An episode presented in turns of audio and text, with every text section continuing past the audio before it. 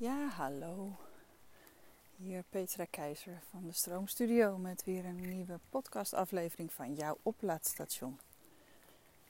En als je deze hoort, heb ik hem dus wel online gezet. Het zou zomaar kunnen dat ik hem alleen voor mezelf opneem.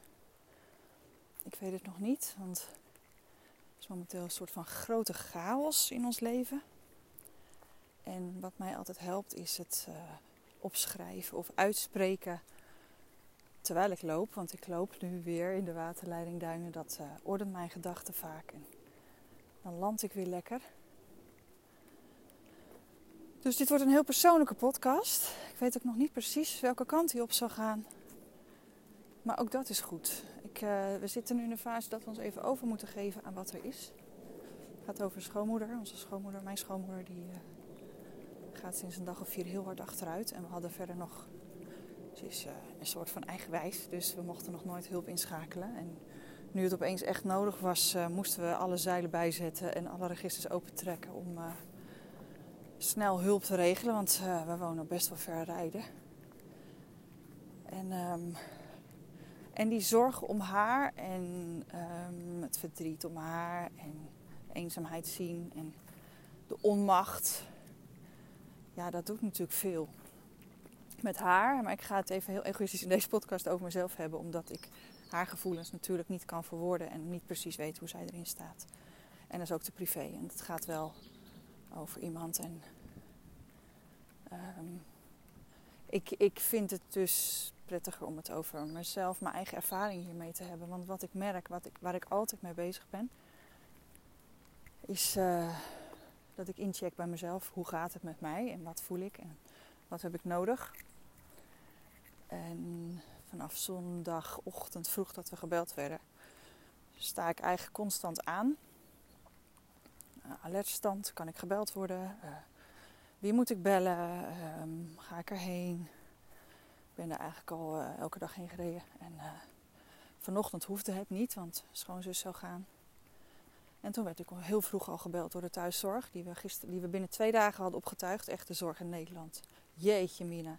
Je hoort veel klachten, maar hoe knap dat ze dat binnen twee dagen voor elkaar hebben gekregen om haar uh, te helpen. Zo dankbaar voor. Maar die belde dus al heel vroeg. Uh, met de woorden, ik had net mijn ogen open, ik had mijn mobiel aangezet. Met de woorden, ik denk dat het klaar is. Zo, nou, bam. Dat uh, kwam uiteraard binnen, bovenop het feit dat ik natuurlijk al drie dagen aanstond. En dus ik zeg, hé, wat, hoe bedoel je? Wat? Nou, bleek dus dat ze dacht dat ze me al eerder had gesproken, maar dat was dus mijn schoonzus. En uh, nou, lang verhaal kort. Uh, ze kwam weer bij, ze is naar het ziekenhuis en waarschijnlijk is het alleen maar flauw gevallen vanwege wat medicijnwissel. En um, ik heb nu besloten dat ik nu de duinen inging. Ik kan ook naar het ziekenhuis gaan, maar ze is daar goed verzorgd en haar zoon en schoondochter zijn erbij. Ze zijn ook hartstikke lief, dus ik zou het nu even los moeten kunnen laten. Dus ik dacht, ik ga nu de duinen in. Ik sta nu een beetje te mijmeren in het zonnetje. Tussen de varens die langzaam aan dood gaan zijn. Het is 21 september, dus de herfst treedt ook hierin. En, en ik probeer mijn gedachten te ordenen, maar probeer ook vooral mijn lijf langs te gaan. Want op het moment dat ik aansta, dan uh, zijn al mijn zintuigen ook op alle standje alert. Wat logisch is, want er heerst, er dreigt gevaar. En dat gevaar, dat moet ik um, op tijd in de gaten houden en hebben om uh, het af te kunnen wenden of er tegen te kunnen vechten. Dus een mailtje, een appje, een telefoontje, dat kan natuurlijk net zo goed als gevaar voelen. Als een leeuw die nu hier uit de duinen naar me toe zou kunnen rennen. Nou, het zijn hooguit herten. Daar ben ik inmiddels niet zo bang meer voor, want die lopen overal mee. Um, dus, dus ik sta strak. Mijn lijf staat strak, al mijn spieren zijn aangespannen, mijn adem is hoog. En ik ben nu expres langzamer gaan lopen, want mijn lijf die, die staat natuurlijk in de adrenalinestand, in de actiestand. Dus dat is hoppakee tempo. En um, ik weet dat om weer even af te schakelen, ik het nodig heb om juist langzamer te lopen. En nu ik dat doe, merk ik ook dat mijn lijf eigenlijk afschakelt en Terwijl ik een ambulance in de verte hoor. Ja, natuurlijk, dat zijn synchroniciteiten, jongens. bijna moet ik erom lachen. Dat, bijna, ik moet er gewoon om lachen, want dit soort dingen zijn eigenlijk wel heel prachtig. Als je er bewust van bent. Maar ik merk dus dat mijn lijf uh, op standje aanstaat. Ik hoor alles, zie alles, voel alles. Um, adem hoog, hartslag snel. En dat is een heel mooi biologische reactie om gewoon te kunnen overleven. Want dat is waar wij voor gemaakt zijn. De soort moet overleven, moet zich voortplanten en moet overleven. Nou, dat eerste ga ik niet meer doen, dat heb ik drie keer gedaan, is klaar. Maar overleven wil ik nog wel een poosje. En uh, ja, mijn lijf die, die doet daar dus alles aan dat voor elkaar te krijgen. En, uh, en wat ik dus nu doe is, ik heb net mijn vingers vastgehouden, één voor één. En in vorige podcast kan je ook horen wat welke vinger doet en wat dat doet. En nu ben ik gaan lopen, omdat bewegen helpt ook de stresshormonen uit je lichaam uh, langzaam op een fijne manier uit je lichaam te krijgen. Sporten kan ook, maar ik vind wandelen veel fijner. Helemaal in de duinen, in de natuur, alle geuren. Dus mijn zintuigen die kunnen ook nu op een fijne manier geprikkeld worden door de fijne geuren van het stervende blad. Vind ik fijne geuren in de herfst. En, uh, en de warmte van de zon op mijn huid. Dus de tastzin die wordt ook op een fijne manier gekoesterd. Um, en nou probeer ik mijn hoofd ook eventjes een beetje te ordenen door onder andere deze podcast op te nemen. Uh, want delen is ook een van de manieren om stress uit je lijf te krijgen. En vaak uh, als je stress voelt, dan denk je nou koud bij mezelf. Of mensen die iets heftigs hebben meegemaakt, die blijven praten. En op een gegeven moment zegt dan de omgeving, nou ben je er nou nog steeds mee bezig?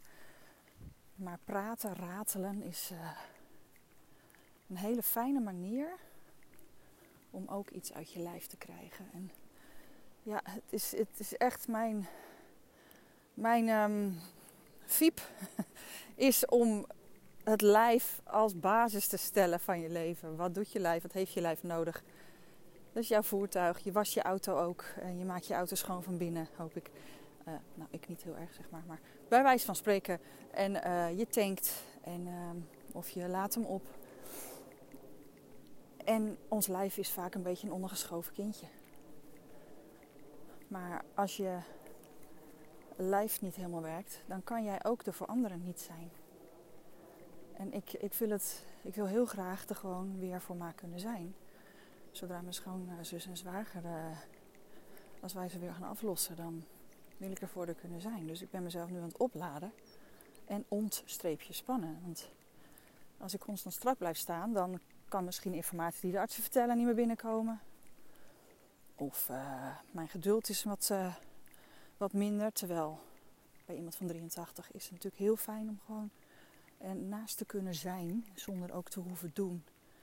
Gewoon het feit dat je er bent. Maar als ik dan straks sta, dan helpt het natuurlijk niet echt voor haar om ook rustiger te worden. Dus het is niet alleen voor mezelf, maar het is ook voor haar lekker, er komt nu een zucht. Ik merk, mijn lijf is nu aan het, uh, aan het resetten. Omdat ik dus mijn gedachten orden, het uitspreek, al die zintuigen op een fijne manier geprikkeld worden en ik beweeg.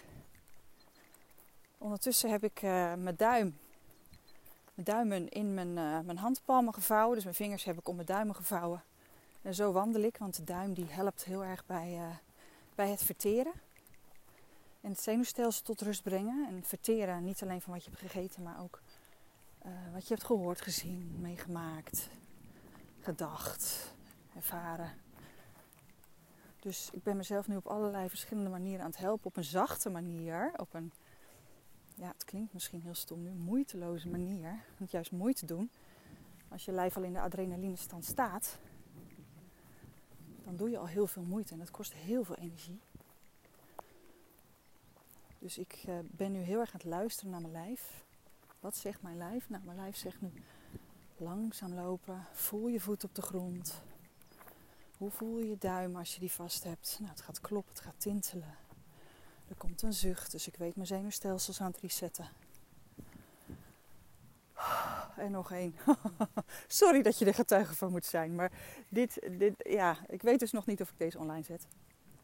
Zou zomaar kunnen, van niet. Zou zomaar kunnen, maar wel.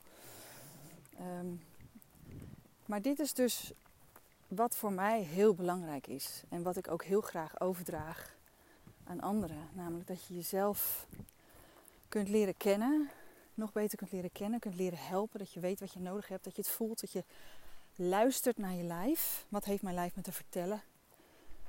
En daar handvatten voor hebt om dat te doen. En, en de basis daarvan ligt in de zachtheid en in, de, en in het echt horen en het ook begrijpen. En, en, en dus ook het kunnen handelen. Want je kan het wel begrijpen, maar als je denkt, ja lekker dan, wat moet ik er dan mee? Kijk, er komt natuurlijk ook veel onrust op. Misschien met irritatie. Nou, irritatie is je middelvinger.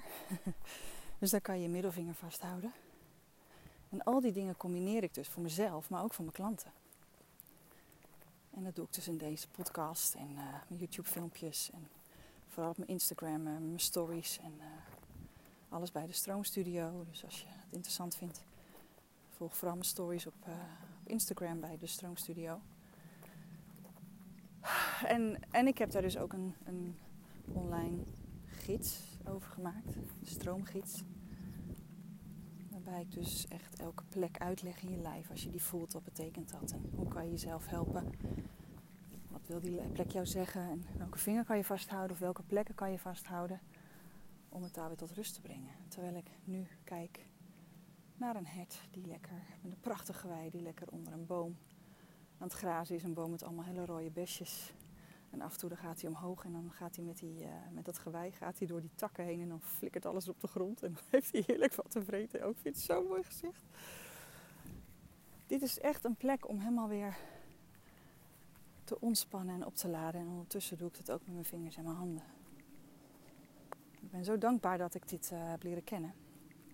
De Japanse manier, dus, uh, Yin Shin Jutsu heet het, een eeuwenoude energieharmoniseringskunst. En dat combineren met wat mijn lijf nodig heeft, wat ik voel, ja, dat is voor mij echt goud. Dus ik merk nu ook echt dat ik aan het landen ben, dat het zakt allemaal. En uh, dat ik straks weer opgeladen ben om nou, de volgende fase weer in te gaan als ze weer thuis komt uit het ziekenhuis. En dan weer in de actieve zorgmodus te stappen en de nadenkmodus en de belmodus en wat er dan ook nodig is op dat moment thuis draait natuurlijk ook door en mijn klanten draaien ook door. Dus het is allemaal even schipperen. Maar ik doe dat wel op een uh, zoveel mogelijk voor mij ook goede manier. Want als het met mij goed gaat, dan kan ik er dus ook voor mijn omgeving zijn. Dus uh, dat even voor nu. En uh, ik merk dat het me heel erg geholpen heeft dat ik dit nu zo eventjes heb, heb kunnen delen met jou. Of met mezelf, als ik hem niet wel zet. En uh, ik ga nu lekker verder lopen. Ondertussen nog wel een beetje strak staand van het idee. Misschien word ik wel gebeld dat ik nu nog hals over kop helemaal daarheen moet rijden. Maar ik ga me even vertrouwen hebben dat, dat, uh, dat het goed komt nu. En uh, nou, dankjewel voor het luisteren.